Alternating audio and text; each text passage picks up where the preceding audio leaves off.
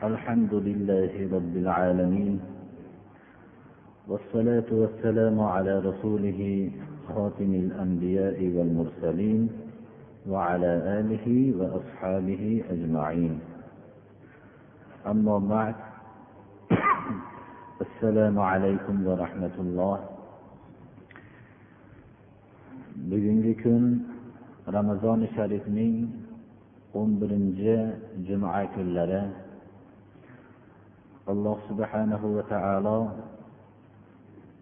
tutayotgan ro'zalarimizni qabul qilsin va o'qiyotgan taroveh namozlarimizni va boshqa ibodatlarimizni alloh qabul qilgan bo'lsin بسم الله الرحمن الرحيم من فطر صائما كان له مثل أجره غير أنه لا ينقص من أجر الصائم شيء payg'ambarimiz sollallohu alayhi vasallam ramazoni sharifdagi shiori islom bo'lgan iftoriga buyurgan ekanlar va targ'ib qilgan ekanlar kim ro'zador kishini iftor qildirgan bo'lsa iftor qildiruvchi kishiga tutgan ro'zasidan tashqari shu ro'zadorning ro'zasini savobicha savob kitobat qilinadi. Ammo bu savobni ro'zadorning savobidan olinmaydi. Ro'zadorningga beriladigan savobdan hech qanday narsa kamaytirilinmasdan alohida beriladi deb marhamat qilgan ekanlar. Imom termiziy bu hadisni hadis to'plamlarida olib kelgan ekanlar. Shu hadis sharifdan ma'lum bo'lyaptiki iftor degani faqat ro'za tutgan kishini ma'lum bir vaqtda ya'ni shomda kun botgandan keyin ro'za tutuvchi kishiga beriladigan ziyofatni iftor deydi birodarlar. Ro'za tutmagan kishiga beriladigan ziyofatni iftor deyilmaydi. Bunga ajr yo'q. Hadis shariflarda ro'zadorni iftor qildirgan bo'lsa deyapti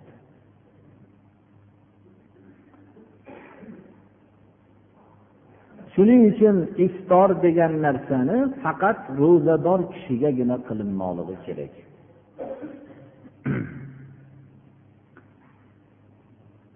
Anas roziyallohu anhudan rivoyat qilinadiki payg'ambarimiz sollallohu alayhi vasallam sad ibn ubodani huzurlariga keldilar. Sad ibn ubodani huzurlariga kelganda ramazoni sharifligi hadisning mazmunidan ma'lum bo'lyapti. Sad ibn uboda janobi rasululloh sollallohu alayhi vasallamni iftor qildirishlik uchun non va zayt yog'idan olib keldilar.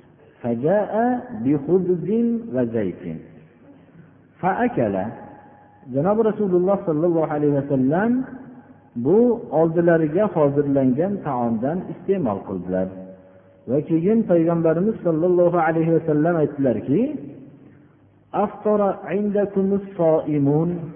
وأكل طعامكم الأبرار وصلت عليكم الملائكة shu hadisni mazmunidan ma'lum bo'lyaptiki rasululloh sollallohu alayhi vasallamning yonlarida boshqa ro'zadorlar ham ashoblar bo'lganligi ma'lum bo'lyaptiki sizlarning huzuringlarda ro'zadorlar iftor qildi. Sizlarning taomiylarni sodiq pok odamlar iste'mol qilishdi va sizlarga iftor soatida maloikalar istig'for rahmatlar aytib turdi dedilar. Abu dovud hadis to'plamlarida bu hadisni olib kelgan ekanlar. Shuning uchun iftor degan narsani faqat ro'zador shaxslargagina berilingan narsani iftor deyiladi birodarlar.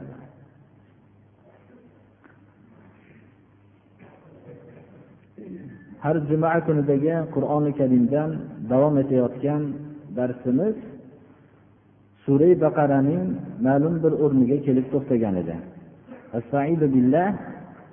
كيف تكفرون بالله وكنتم أمواتا فأحياكم ثم يميتكم ثم يحييكم ثم إليه ترجعون alloh subhanahu va taolo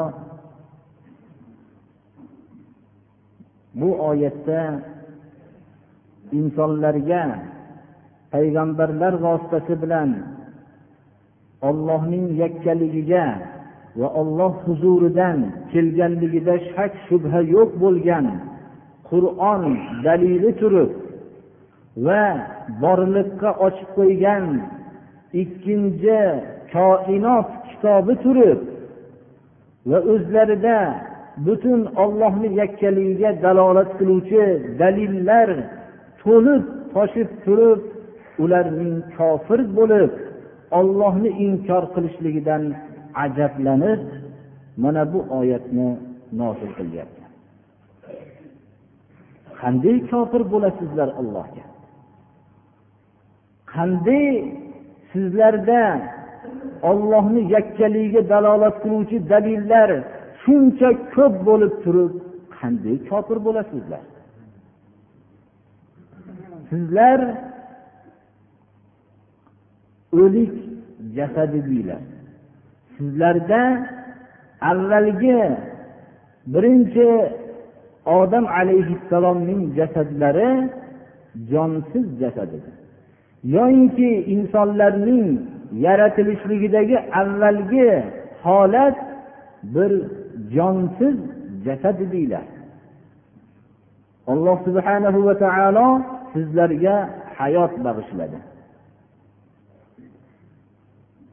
Odamlar bu haqiqatdan hech qochib qutulishmaydilar odamlar o'zlariga doim ibrat ko'zlari bilan qarashsalar bu o'zimizdagi hayot atrofimizga bag'ishlanayotgan hayot qayerdan keldi degan savolga agar olloh subhanahu va taolo tarafidan yaratuvchi tarafidan bag'ishlangan degan javob berishmasalar boshqa javob topisholmaydilar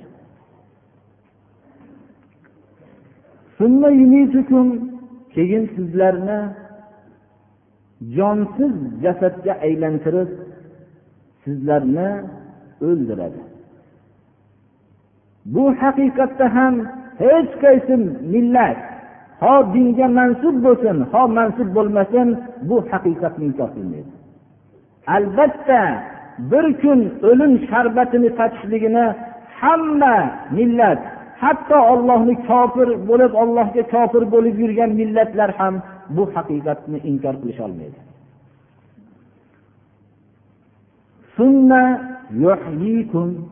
keyin sizlarni yana qaytadan tiriltiradi. Mana bu haqiqatda bu haqiqatga musulmonlar oxirat kuniga iymon keltirgan kishilar tasdiqlaydi. Lekin iymon keltirmagan kishilar inkor qiladi inkorlari asossiz ularni. Avvalda jonsiz jasadga hayot bag'ishlagan zot buni qaytadan tiriltirishlikka qodirdir. Lekin tirilishlik bu ma'nosiz suratda bo'lmaydi. Endi tirilishlik ollohni huzuriga qaytarilishlik uchun u yerda hayotda o'tkazgan har bir narsalarga daqiq hisob berishlik uchun tiriltiriladi. Keyin ollohni huzuriga qaytarilasizlar. Qaytarilib ham hisob berasizlar. Har bir hayotdagi o'tkazgan narsalarga hisob berasizlar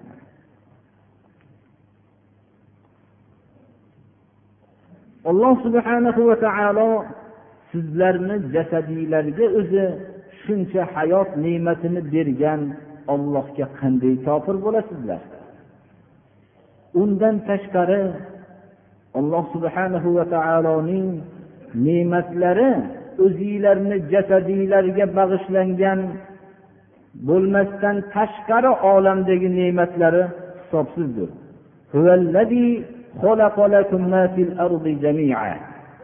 Ollohgina yerdagi hamma narsani faqat sizlarga xizmat sizlarga ne'mat bo'lishligi uchun yaratdi.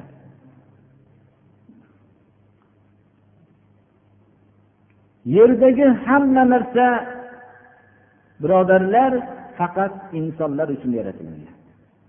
Koinotdagi hamma sayyoralar insonga ne'mat hozirlashlik bilan ovora yerdagi hamma mavjudot bir qismi insonga bu hammasiga bu ozuqa bo'ladi.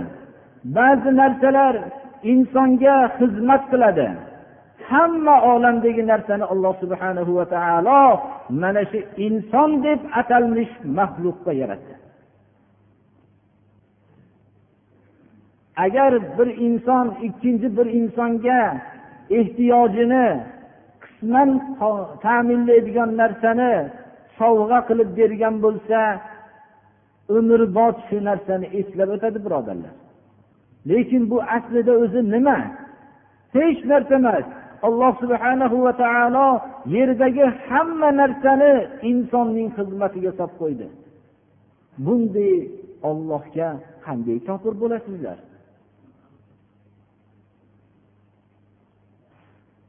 ثم استوى إلى السماء فسواهن سبع سماوات وهو بكل شيء عليم keyin alloh subhanahu va taolo yerni yaratgandan keyin osmonga yuzlandi.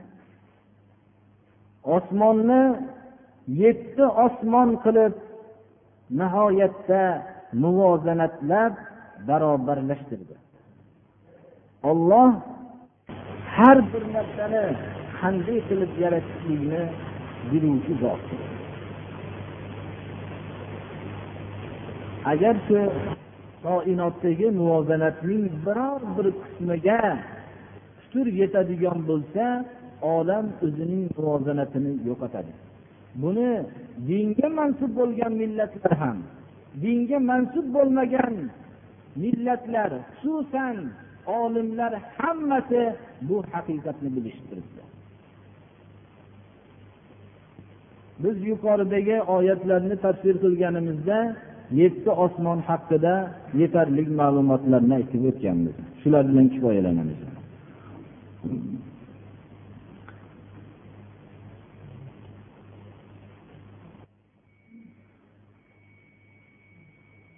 Mana bu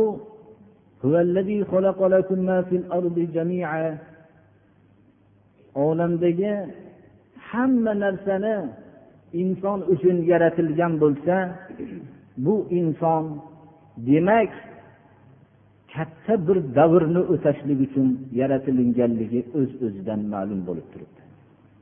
Lakun kalimasi sizlar uchun degan kalima demak insonga shuncha olamning xizmatkor qilib qo'yilgan bo'lsa yer yuzidagi hamma ne'matlar inson uchun yaratilingan bo'lsa bu inson hayotda juda katta bir davrni o'tashlik uchun yaratilinganligi o'z uz o'zidan ma'lum bo'lib turibdi alloh subhanahu va taolo insonning yer yuzasida nima uchun yaratilinganligini bayon qilib mana bu oyatda nihoyat darajada izohlayaptiki بسم الله الرحمن الرحيم وإذ قال ربك للملائكة إني جاعل في الأرض خليفة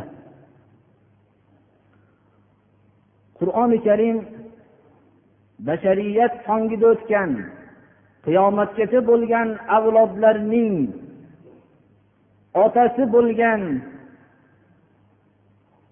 odam alayhissalomni yaratgan vaqtdagi maloikalarga aytgan so'zini tamomiy bashariyatki qur'on tilovat qilayotgan odamlar ro'barusida sodir bo'layotgan voqeadek qilib olib kelyapti. Ey muhammad alayhissalom yodingizga oling rabbingizni maloikalarga aytgan vaqtiliki men yer yuzida o'zimga xalifa ya'ni o'rinbosar qilmoqchiman dedi.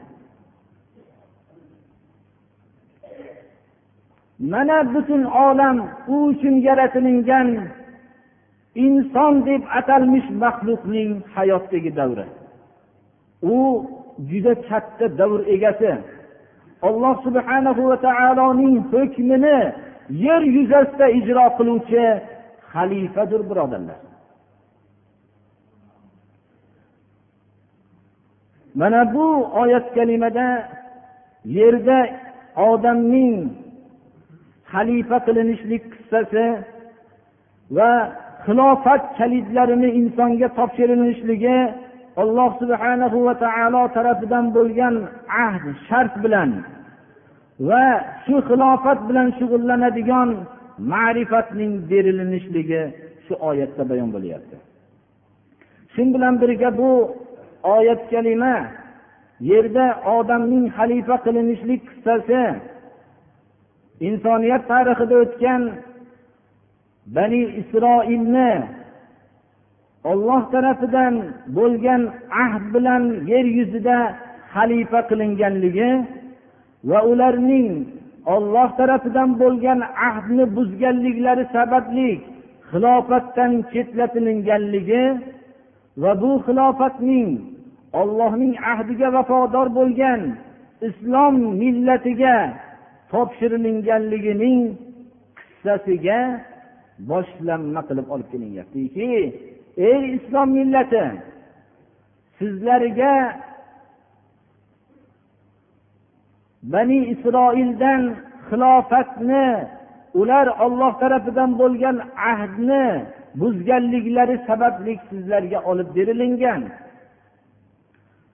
Ularni alloh subhanahu va taolo qur'oni karimda ya bani isroil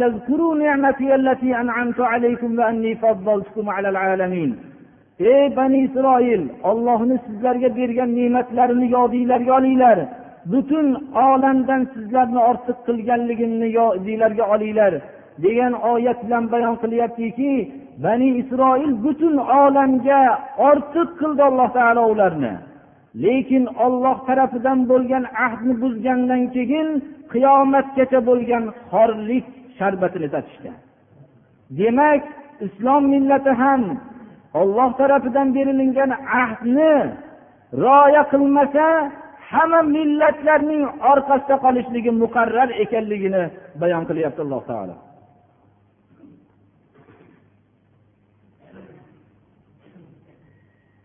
rabbingizni maloikalariga men yer yuzida xalifa qiluvchiman deb aytgan soatini yodingizga oling ey muhammad alayhissalom قالوا أتجعل فيها من يفسد فيها ويسفك الدماء ونحن نسبح بحمدك ونقدس لك قال إني أعلم ما لا تعلمون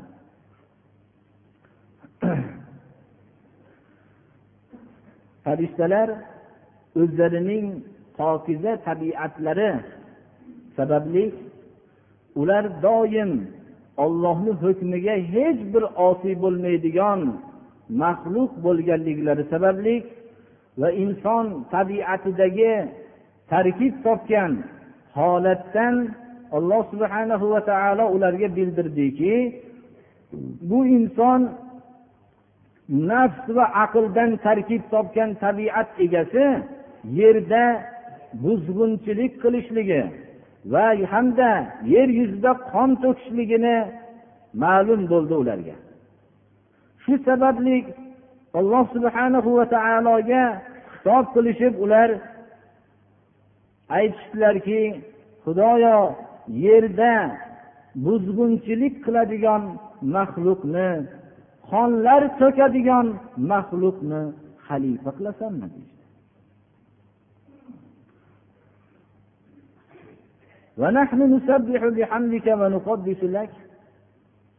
biz mana hamding bilan senga tasbih aytmoqdamiz va seni poklamoqdamiz.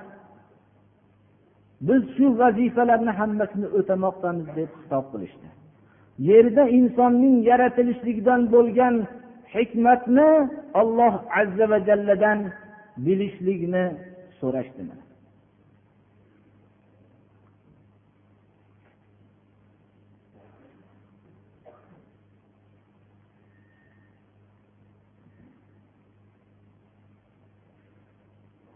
alloh subhanahu va taolo ularga men sizlar bilmagan narsani bilaman dedi alloh taolo. Yer yuzidagi xalifa tabiati sizlarda yo'q. Maloikalar ular pok tabiat bilan ular faqat ularda aql bor nafs yo'q ularda. Ular pok tabiatli bo'lganliklari sababli alloh subhanahu va taoloning biror bir hukmiga osiy bo'lishmaydilar. Va shu bilan birga yer yuzidagi alloh subhanahu va taoloning mashiati xohlagan yerni qurish yerni obod qilishlikka bu tabiat yaramaslik yaramaydigan ekanligini bildirdi alloh taolo. Buni bildirishlik uchun alloh subhanahu va taolo odam alayhissalomni yaratib odam alayhissalomga olamdagi hamma musammo nomlangan narsalarning nomini bildirib qo'ydi وعلم آدم الأسماء كلها ثم عرضهم على الملائكة فقال أنبئوني بأسماء هؤلاء إن كنتم صادقين alloh subhanahu va taolo hamma olamdagi narsalarning nomini odam alayhissalomga o'rgatdi. Va bu nomlangan narsalarning hammasini maloikalarning ro'barusiga olib kelib ko'ldalang qildi. Va bu narsalarning nomini aytib beringlar agar yer yuziga xalifa qilinayotgan inson insonni xalifa qilinishlik to'g'ri emas ekanligini davo qilishliginglarda sodiq bo'lsanglar قالوا سبحانك لا علم لنا إلا ما علمتنا إنك أنت العليم الحكيم ular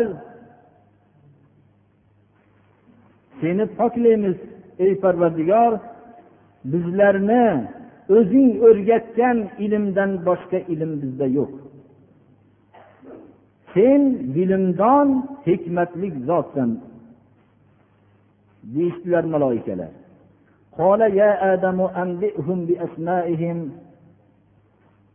Alloh subhanahu va taolo xilofat egasining xilofat egasidagi xalifalik vazifasini o'tashlikka bo'lgan qobiliyatni o'rnatganligini bildirishlik uchun odam alayhissalomdagi maloikalarda yo'q bo'lgan tabiatni ko'rsatishlik uchun aytdiki ey odam bularga shu ro'baro'da turgan narsalarning nomini aytib bering dedi. Ularning nomlarini odam alayhissalom alloh subhanahu va taoloning ta'limi bilan hammasini aytib berdilar. Shunda alloh subhanahu va taolo men sizlarga ey maloikalar aytmadimmi koinotu yerdagi noma'lum bo'lgan narsalarni bilaman deb va sizlar oshkor qilgan va maxfiy qilgan narsalarning hammasini bilaman demadimmi? dedi alloh taolo. Mana biz xuddi shu voqeani guvohi bo'lib turgandek alloh subhanahu va taolo bizga qur'oni karimda tasvirlab beryapti. Biz nomlar zikr qilinganda olamdagi uning nomlangan narsalarni bilishlik ne'matini bilmaymiz. Agar alloh subhanahu va taolo bizlarga nomlarni nomlangan narsalarning ramz ekanligini bildirmaganda biz nihoyat darajada hayotda suhbatlashishlik suhbatlashishlikka qiynalgan bo'lardik. Va yerdagi hech qanday bir xilofat vazifasini o'tolmagan bo'lardik. Misol qilib aytganimizda agar men bir kishiga o'zimni tog'ni oldiga borib kelganligimni bildirmoqchi bo'lsam tog' oldiga borib keldim degan vaqtimda tog' kalimasini aytishligim bilan ismni aytishligim bilan uning musammosi bo'lgan tog'ni eshituvchi muxotablar hammasi shu vaqtda tushunishadilar. Agar ism aytilinganda uning musammosi nomlangan narsa ma'lum bo'lmaganda yo men shu yerda o'tirgan odamlarni hammasiga tog'ni oldiga borib kelganligimni bildirishligim uchun hammalarini yetalab borgan tog'ni oldiga olib borishligim kerakda mana shu narsaning oldiga borib keldim deyishim kerak. Yo bo'lmasam tog'ni ko'tarib mana shu ro'baruga olib kelib mana shu yerga borib keldim deyishim kerak edi. Birodarlar ana xilofat vazifasini o'taydigan inson ismni zikr qilingan vaqtda musammoni tushunadigan qobiliyat egasi bo'ldi. Alloh subhana va taolo tarafidan bo'lgan ta'lim bilan. Biz bemalol ismlarni aytib ketaveramiz. Uning nomlangan narsalarini muhotablab eshituvchi kishilar tushunib unga yarasha javob berishaveradilar. Alloh subhanahu va taoloning ana bu ne'mati faqat yer yuzidagi koinotdagi inson deb atalgan maxluqqagina nasib bo'ldilar. Insonning vazifasiga bu ilm kerak edi. ammo maloikalarning vazifasiga bu ilm kerak emas edi shuning uchun ularning vazifalarida zarurati bo'lmaganligi uchun ularga bu ilm berilmagan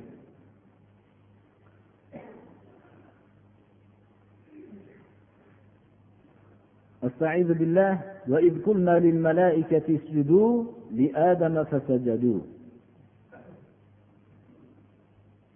ana insonning maloikalar oldidagi fazilati ma'lum bo'lgandan keyin fazilat aniq bo'lgandan keyin alloh subhanahu va taolo maloikalarni insonni hurmatlash insonga salom berish sajdasiga buyurdi. Yodingizga oling ey muhammad alayhissalom maloikalarga aytgan vaqtimizniki odamga sajda qilinglar. Bu sajda ibodat sajdasi emas edi. Bu sajda salom sajdasi edi. Yer yuzidagi ollohning xalifasiga salom berish sajdasi edi. Yer yuzidagi ollohning xalifasiga hurmat ko'rsatishlik sajdasi edi. Insonga shu darajada olloh subhanahu va taolo martaba manzilat berdi. Ey insonlar qanday kofir bo'lasizlar shunday ollohga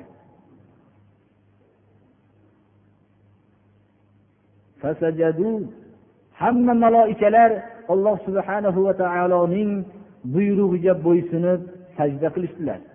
Hurmat sajdasini qilishdilar. Salom sajdasini qilishdilar.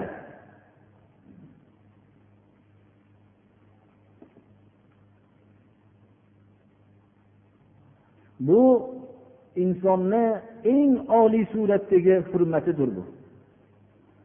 Bu yer yuzidagi buzg'unchilik qilayotgan qon to'kayotgan insonni alloh subhanahu va taolo bashariyat tongida ana shunday hurmat qilgan edi.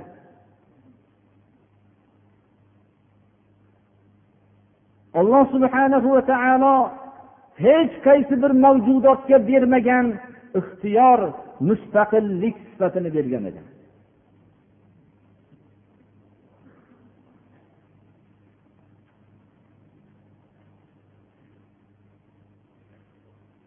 hamma maloikalar sajda qilishdi.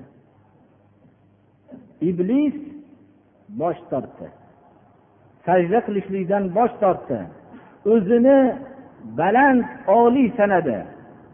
Va shu o'zi ollohni hukmiga bo'ysunishlikdan bosh tortishligi va o'zini insondan oliy sanashligi bilan kofirlar jumlasidan bo'ldi. Ana bu yerda yomonlik tabiati mujassamlashdi. Alloh subhanahu va taologa osiy bo'lishlik yomonlik tabiati mana mujassamlashdi. Fazl egalarini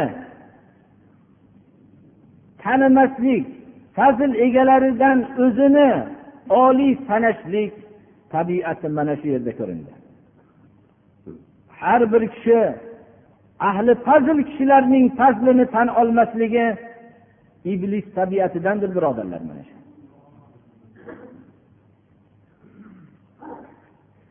Iblis maloikalar jinsidan emas edi. Maloikalar bilan birga yurgan edi.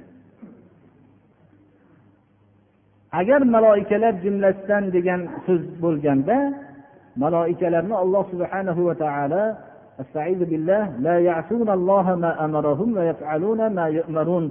ollohni buyrug'iga osiy bo'lishmaydigan maxluqlar deb maloikalarni qur'oni karimda yod qilgan agar maloikalar jumlasidan bo'lganda iblis osiy bo'lmagan bo'lardi. Undan tashqari sarih nas bilan surai kafda kana minal jinni oyati borki jin toifasidan ekanligini ochiq aytilingan shuning uchun ahli sunnat va jamoat e'tiqod qilishligi kerakki iblis bu maloikalar jumlasidan emas balki jin jumlasidan edi deb bilmoqligimiz kerak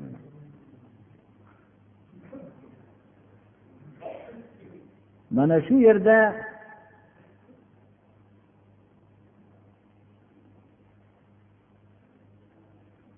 iblis bilan yer yuzasidagi ollohning xalifasi o'rtasidagi davomiy jang ma'rakasi boshlandi birodarlar. Bu insonning qalbidan bu maydon o'rin oldi. Inson olloh subhanahu va taoloning buyrug'iga olloh tarafidan bo'lgan insonga berilgan ahd shartlarga qanchalik o'zini bog'lasa bu jang maydonida iblisga g'alaba qiladi. Qanchalik alloh subhanahu va taolo tarafidan berilingan ahd shartlarni rioya qilmasa iblisga mag'lub bo'ladi mana. Qur'oni karimdagi mana surai nos surasida aytib o'tganmiz iblis xonnas inson bilan tinimsiz jang ma'rakasiga chiqqan bo'lishligiga qaramasdan doim maxfiy o'rinda bekinib turadi. Ollohni doim yodida tutgan kishiga nisbatan.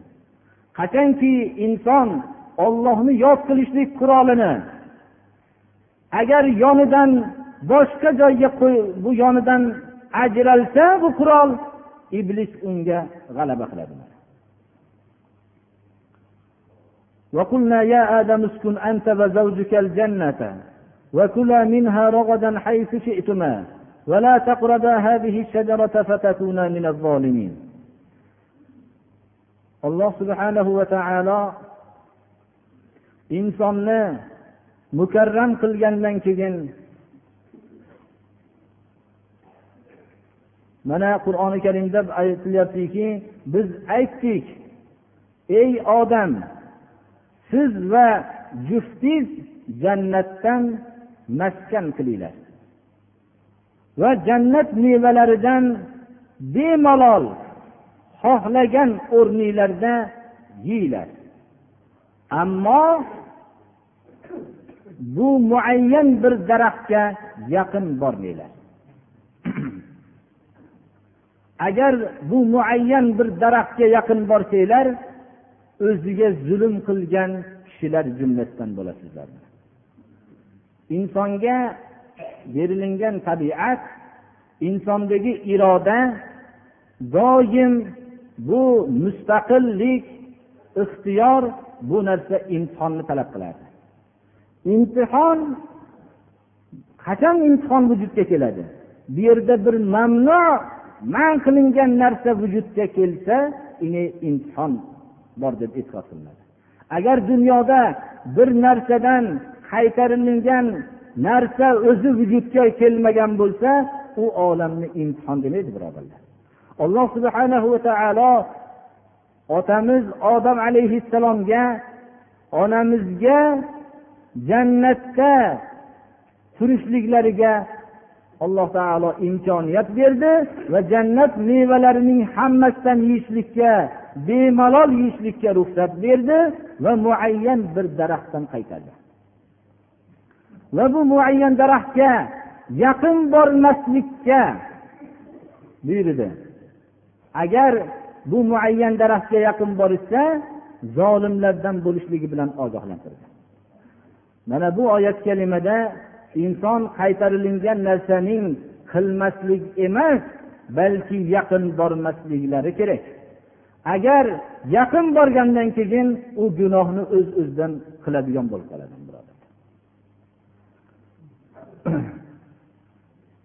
فأزلهما الشيطان عنها فأخرجهما مما كان فيه shayton ularni shu daraxtdan yeyishlikdan kelib chiqadigan xatodan toydirib tashladi va shu daraxtga yaqin borib qaytarilgan narsani qilib qo'yishdilar alloh subhanahu va taolo ikkovlarini shunday yaxshi hayotlaridan yer yuzasiga chiqarib tashladi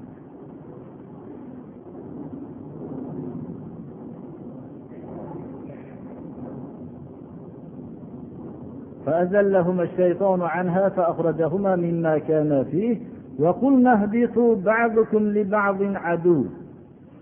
kishilar yerga bir biringlarga dushman bo'lgan holatda odam bilan iblis o'rtasidagi adovat qadimiy adovatdir bu birodarlar. Va shu bilan birga insonga bu kerakli narsa hamdir. Chunki inson tabiatida yeyishlikka bo'lgan ehtiyoj muhabbatga bo'lgan ehtiyoj va boshqa dam olishlikka bo'lgan ehtiyoj. Hamma ehtiyojlar bor. Shu bilan birga inson tabiatida bir yomon ko'rishlik tabiati ham alloh taolo shuni tarkib qildi. Bu yomon ko'rishlikka yeydigan halol narsalarni yeyishlik tabiatiga buyurdi. Qo'rqish tabiatini ham o'rnatdi. Agar u to'g'ri yo'ldan olloh subhana va taolodan qo'rqsa bu qo'rquv tabiatini qondirgan bo'ladi. Adovat tabiatini shaytonga adovat qilsa adovat tabiatini qondirgan bo'ladi. Agar shaytonga adovat qilmasa boshqa muhabbat qilishlik kerak bo'lgan o'rinlarga adovat qilib qo'yadi. Qo'rquvni ollohni o'zidan qo'rqishlik insonga foyda qiladi. Agar ollohni o'zidan qo'rqmasa qo'rqmaslik kerak bo'ladigan narsalardan qo'rqib qoladi. Mana bu yerda ham alloh subhana va taolo kishilar yerga bir biringlarga dushman bo'lgan holatinglarda. Sizlarga yerda qarorlanish va hamda yerdagi ne'matlardan muayyan bir muhlatgacha foydalanishlik imkoniyati bor.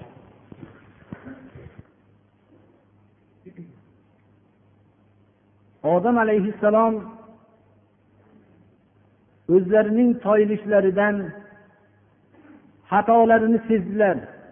Va shu xatoni qanday tavba qilishlikni ham alloh subhanahu va taolo o'zi ta'lim berdi va tavba so'zlarini alloh subhanahu va taolo odam alayhissalomga o'rgatdi. Odam alayhissalom tarbiyat kunandasidan tavba kalimalarini qabul qilib oldi. Alloh subhanahu va taolo odam alayhissalomning tavbasini qabul qildi. Olloh tavbani qabul qiluvchi va mehribon zotdir mana bu oyatlarni qisqacha mazmunidan biz shuni bilishimiz kerakki inson yer yuziga bekordan bekor yaratilingan emas. Yer yuzidagi hamma mavjudot inson xizmatida bo'lishligi insonning juda katta bir davr egasi ekanligini ko'rsatadi. Bu insonni eng oliy deb e'tiqod qiladigan maslak islom maslakidir. Boshqa maslaklar insonni u darajada qadrlashmaydi balki insonni boshqa bir ishlab chiqarishlik asbobi debgina e'tiqod qilishadilar. Alloh subhana va taoloni mukarram qilganligi maloikalarni sajda qilishlikka odamga sajda qilishlikka buyurganligi olamdagi hamma narsani insonga berilganligi va shu bilan birga jannatdan tigi hamma ne'matlarni insonga muyassar qilganligi va jannatdan chiqqandan keyin toyilgan xatosiga tavba qilish kalimotlarini alloh subhanahu va taoloning o'zini ta'lim berganligi va tavba qilishligi bilan tavbasini qabul qiluvchi bo'lishligi va shu bilan birga mehribon zot ekanligi yer yuzidagi bundan keyingi oyatlarda bayon qilinadi. Olloh tarafidan bo'lgan ahdni shartni olloh tarafidan insonga tushirilinganligi va shu ahdu shartlarni hammasini rioya qilganda eng xavf ko'rmaydigan g'amgin bo'lmaydigan olamdan o'rin olishligini bayon qilib shunday rabbiylarga shunday ollohga qanday kofir bo'lasizlar deb alloh subhana va taolo xitob qilyapti. Ana endi ollohga kofir bo'lishlik juda bu qiyin ishga aylanib qoldi. U tamomiy vijdonidan voz kechishligi kerak. Tamomiy ro'barosida turgan dalillarni hammasini inkor qilib bularni hammasini dalil ekanligidan bosh tortgan iblis tabiatiga o'tib ketgandan keyingina undan kufr sodir bo'lishligi mumkin ana iblis olloh subhanahu va taoloning xalifasi bo'lgan insonni berilingan fazilatni ko'tara olmadi. Fazilat egasini bilib turib fazilat egasiga qaytarmadi. Shundan bosh tortib o'zini oliy sanaganligi uchun kofirlar jumlasidan bo'lib ketdi. Alloh subhanahu va taolo hammamizni olloh tarafidan insonga berilingan ahdlarni vafo qilishlikka o'zi gunohlarimizni mag'firat qilsin. alloh subhanahu va taolo tarafidan mana odam alayhissalom robbana zolamna anfusana va illam tag'fir lana va tarhamna lanakunanna minal xosirin kalimotlarini qabul qildilar. Xudoyo o'zimizga zulm qildik. Hamma narsani bizga yeyishga ruxsat berib bitta narsani ruxsat bermagan eding shu narsani yeb qo'yib biz o'zimizga zulm qildik dedilar. Endi o'zing kechirmasang va tarhamna bizlarni rahmatingga olmasang biz hayotini boy bergan ziyonkorlardan bo'lamiz dedilar. Bu bashariyat tongidagi o'tgan voqea bu tajribani alloh subhanahu va taolo yer yuzasiga chiqarganlikdan ilgari insonlarning ustida bu tajribani o'ziga ko'rsatdi. Ko'rsatib keyingi hamma avlodlar bunidan ibrat olishligi uchun. Bu abadiy kitobimiz bo'lgan qur'onda tilovat qilinishligi bizlar mana shu tajribadan o'zimizga xulosa ajratib olib va alloh subhana va taologa xato qilgan vaqtimizga yolborishlikni ham olloh o'zi o'rgatdi.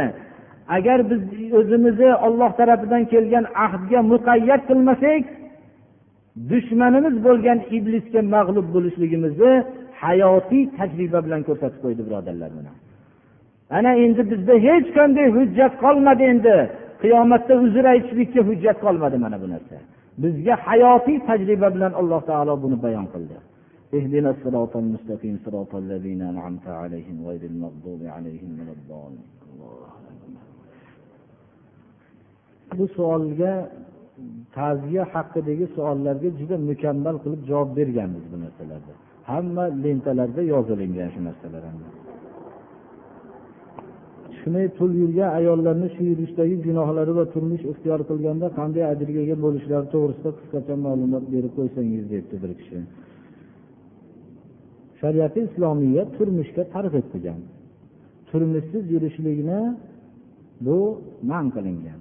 Lekin bu birodarlar savollarni berishlikdagi bizni avvalgi o'tib ketayotganligimizni siri shuki bizni islomiy sharoit bo'lmaganligi uchun bu turmushsiz yurayotgan ayollarning turmush qilishlikka qiyin bo'layotgan sharoitlarni islomdan so'ralmasin. Islom bularga javobgar emas. Sizlar bu savollarni hozirgi sharoitdagi turmush qurishlikdan voz kechayotgan butun masalan umrlari ertamandan kechgacha bozorda o'tayotgan farzandlarni tarbiyasi bilan ishi yo'q bo'lgan ayollarni ko'rib turib savol qilyapsizlar.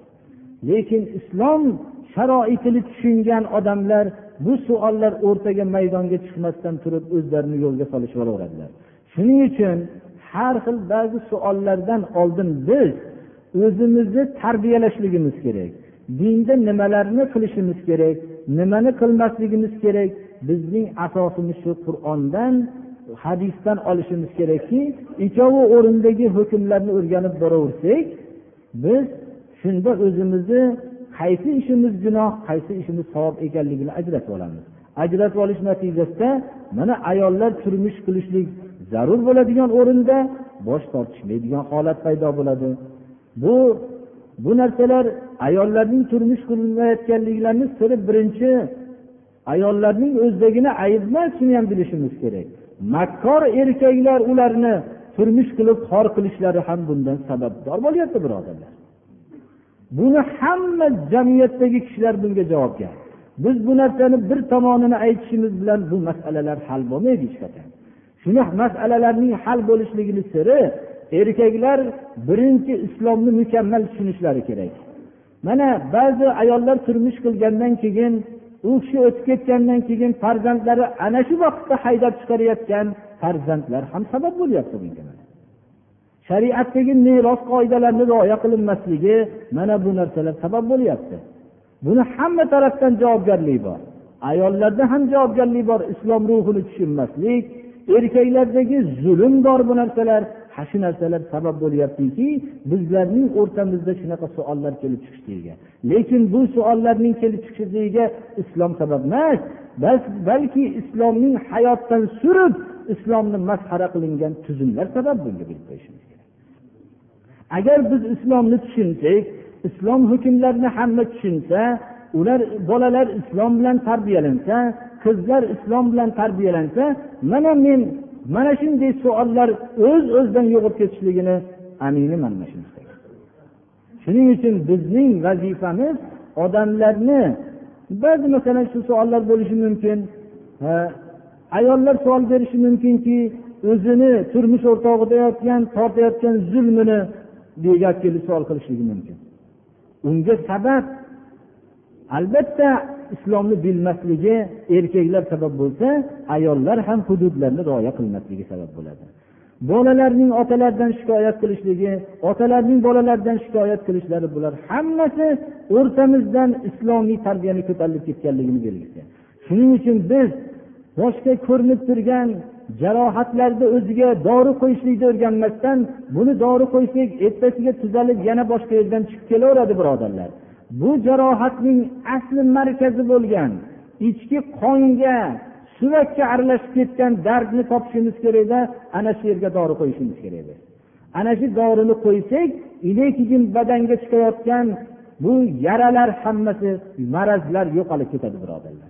Lekin biz bitta narsani davolashligimiz bilan boshqa dardlar paydo bo'laveradi. Shuning uchun meni hammalarga maslahatim shuki islomiy ruh bilan hammani tarbiya qilaylik. Juz'iy juz'iy masalalarga hozircha biz hal qilolmaymiz ko'pi nimaga?